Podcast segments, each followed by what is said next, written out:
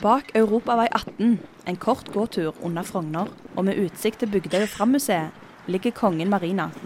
Her kan vi ikke lenger høre motorene som durer inn og ut av Oslo.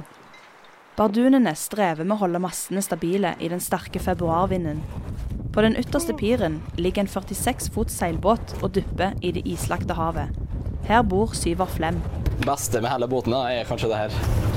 Du tror det er helt tom og vi har en fest? Nei da. Lufta opp her. Nei, nå er det kanskje ikke så mye her, da. Det er litt alkohol oppi her, da.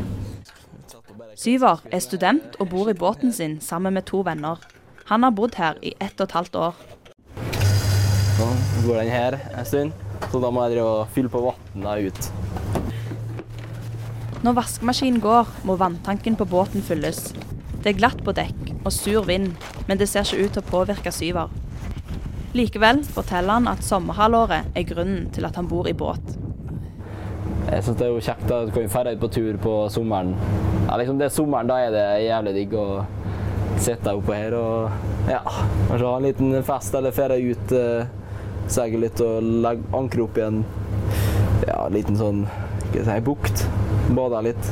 Det, det er deilig. Kollektivet på sjøen har litt andre historier enn de fleste kollektiv i Oslo. Det skjønner vi fort når Syver begynner å fortelle om dusjen han tok forrige uke. Historie? Ja. ja det, eh, det, var jo faktisk noe nylig på, på forrige uke, tror jeg. Onsdagen forrige uke. Da akkurat vært dusja. Så skal jeg, skal jeg, gå ned da, på noen tøfler. Da. Så sklei jeg uti vannet klokka åtte på morgenen. Var ganske tungt. da, det var Litt klær på, sånn, så jeg fikk jo Jeg kom halvveis opp, da, så hørte jo han ene som bodde her jeg var her, og han hjalp meg litt opp. da. Så det var jo en fin start på tirsdag eller onsdag. jeg var. Har du noen gang tenkt på at du vil flytte til leilighet? Ja, det, ja.